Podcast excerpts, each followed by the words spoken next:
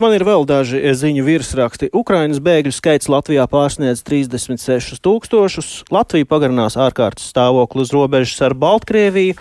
Un ir ierosinājums līdz nākamā gada pavasarim pagarināt personu apliecinošu dokumentu derīgumu termiņu, lai cilvēki, kuriem tie beidzās un nevar paspēt samainīt, uh, varētu piedalīties vēlēšanās. Šīs ir lietas, ar kuras uh, mēs pārunāsim ar iekšlietu ministru Kristapu Eklonu no kurš kandidēs vēlēšanās no attīstībai par uh, labrīt.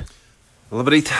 Uh, un, jā, tad, tad varbūt sākumā par šiem Ukraiņas bēgļiem dzirdējām 36 tūkstoši. Kāda šobrīd ir tā tendence? Cilvēki joprojām pie mums iebrauc lielā daudzumā, vai tās plūsmas ir nomierinājušās?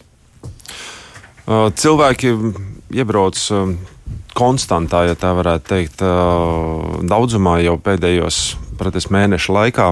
Tās plūsma ir salīdzinoši nemainīga, bet jāatzīmē to, ka 90% no visiem tiem, kas iebrauc mums ikdienā, viņi neizskata Latviju kā savu galamērķi un brauc tranzītā jau tālāk uz citām Eiropas valstīm. Un, tikai daļa attiecīgi vēlas palikt Latvijā. Un tad tas ir mūsu izaicinājums viņus izmitināt. Nu, pagaidām mums to veiksmīgi izdodas īstenot. Nav neviens ukrāņu bēglis palicis, ja tā var teikt, uz ielas. Un lielākoties pamatmasu visu mums izdodas izmitināt sadarbībā ar Latvijas pašvaldībām. Bet ir bijuši gadījumi, jā, ka mūsu kapacitātes pašvaldībās jau ir izsmelts, un tad mēs vēršamies arī pie privātajiem uh, iedzīvotājiem, kas ir gatavi sniegt atbalstu un izmitinam arī pie iedzīvotājiem. Nu, mēs dzirdējām ziņās arī, ka Rīga ir gatava laikam tagad atkal atsākt uzņemt vairāk. Uh, Jā, tieši tāpēc, ka tas viss process ir mainīgs. Ir daudz ukrāņu, kas jau šeit uzturās uh, jau šos trīs mēnešus un, un, un pieņem lēmumu atgriezties Ukrajinā vai braukt tomēr uz citu valsti. Līdz ar to jā, atbrīvojās brīvas vietas, un tai pašai Rīgai ir atkal iespējas pie, pieņemt cilvēkus un izmitināt jau ierastajos hosteļos un, un, un citās iestādēs. Nauda visiem pietiek. Nu, miteklis tā tad ir, vai pietiek uzturlīdzekļu, jo cilvēki var paēst, vai cilvēki atrod darbu tad, kad beidzās šie noteiktais laiks, kad valsts palīdz viņiem ar, ar finansēm. Kā šī situācija? Šeit mums ir plaša sadarbība ar, ar, ar, ar vairākām ministrijām, un valdība ir rezervējusi zināmas finansu līdzekļus, un šobrīd viņi ir pieteikoši. Katrs Ukraiņu bēglis saņem gan pabalstus priekš uztura, gan arī vienreizējās ēdienu pakas. Tā kā šī jautājumā mums praktiski nav nekāda problēma vai aizķeršanos. Tad, rezumējot, Šobrīd ar Ukraiņas bēgļiem problēma nav. Mēs varam uzņemt vairāk, mēs varam aicināt vēl. Uh, mēs turpinām nodrošināt tam apjomam, kas mums ienāk. Vai, ja, vai mēs varētu palielināt šo skaitu, es būtu ļoti piesardzīgs šādā prognozē un, un, un, un ceru, ka patiešām viņš paliks tajā apjomā, kāds viņš šobrīd ir. Tā kā papildus teiktē, brauciet, mēs esam gatavi vēl vairāk uzņemt. Laikam, ka drīzāk nē.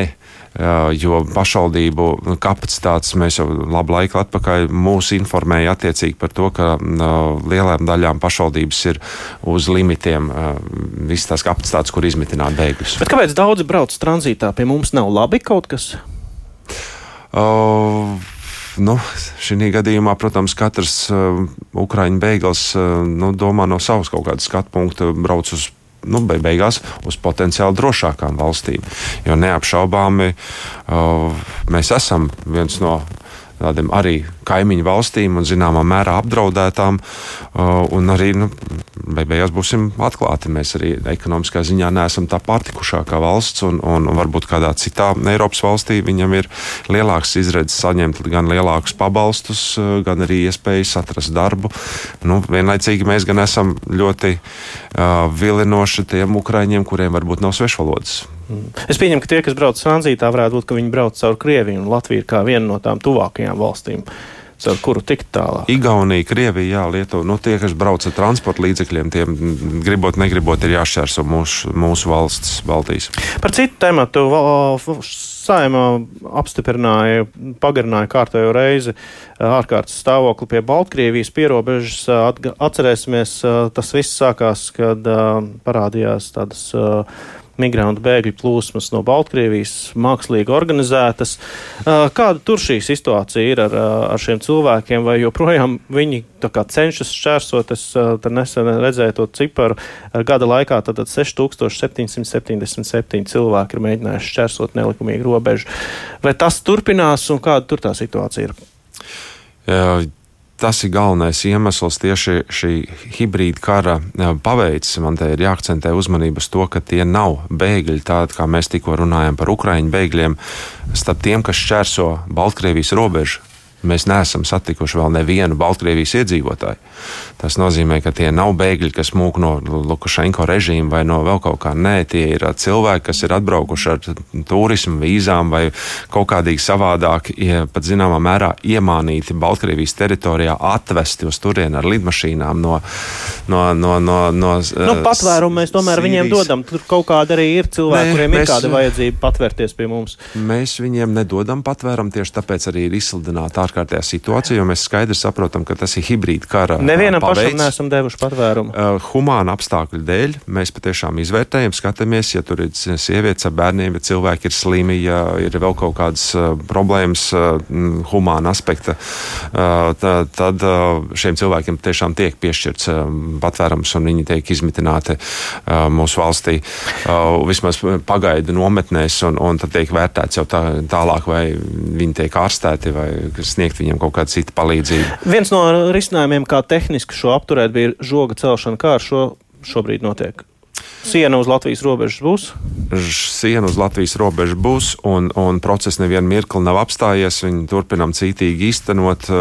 Šobrīd praktiski visā gandrīz posmā notiek vai nu uzmērīšanas darbi, vai atmežošanas darbi. Jo šeit mums ir skaidri jāsaprot, ja, piemēram, Lietuvā žogu vai uzstādīt lauka vidū vai gar kādu lauka malu, tad mūsu gadījumā, ja tur bija vēl vakar, bija vienkārši mežs un bieži vien gana necaurējams mežs vai, vai pat uh, kāds uh, dūksnājs vai, vai purvājs, tad uh, mums ir jā, jāatbrīvo viss šī teritorija no šī meža krūmājiem, uh, jāizveido 12 metrus plata, praktiski gan izveido ceļš, un tad šī ceļa vienā malā mēs uzliekam žogu, un, un, un pa otru pusi ir uzlikta jau infrastruktūra, tiek izveidota, lai robežsargi varētu veiksmīgi patrulēt. Gala datums ir?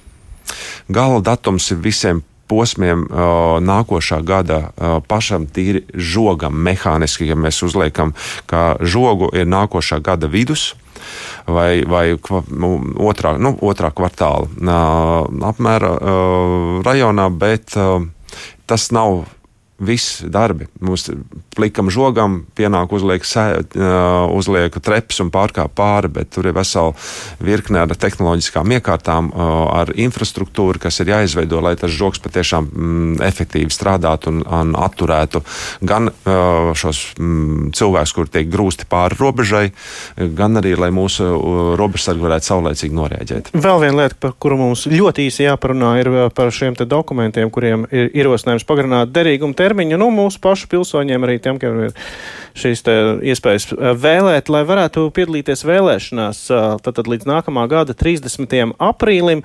Eh, visi šim piekrīt koalīcijā, tas būs, kā tas tehniski darbosies. Mēs ar veciem dokumentiem iesim vēlēt. Uh, jā, uh, tieši tā. Tā ir, ja tā varētu teikt, ja ir iespēja tev kādam cilvēkam izdarīt labu, tad ņem un izdari to. Tā ir tāds uh, labs gribas žests, saprotot visu to pēdējo divu uh, problēmas, kādas mūsu sabiedrībai ir bijušas saistībā ar Covid pamatā. Ar, gan ar to, ka PMLP nestrādāja vesels trīs mēnešus, un pēc tam bija ļoti ierobežota šī darbo, darbošanās, un arī iedzīvotājiem ir tīpaši šeit es runāju šobrīd par senioriem, uh, slimiem cilvēkiem cilvēkiem, par cilvēkiem ar ierobežotām kaut kādām pārvietošanās spējām un tam līdzīgi.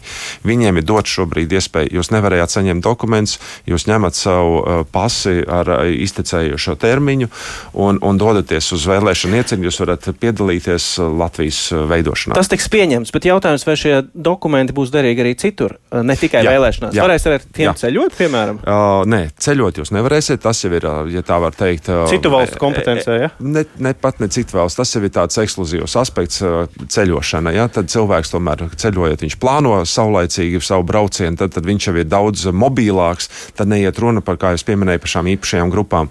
Bet uh, cilvēkiem tas arī bija mūsu mērķis, ka dot iespēju ne tikai vēlēt, bet izmantot arī visādas citās tieši sociālo nepieciešamību vadītos aspektos, saņemt pabalstus, noformēt kaut kādus dokumentus vai kaut ko.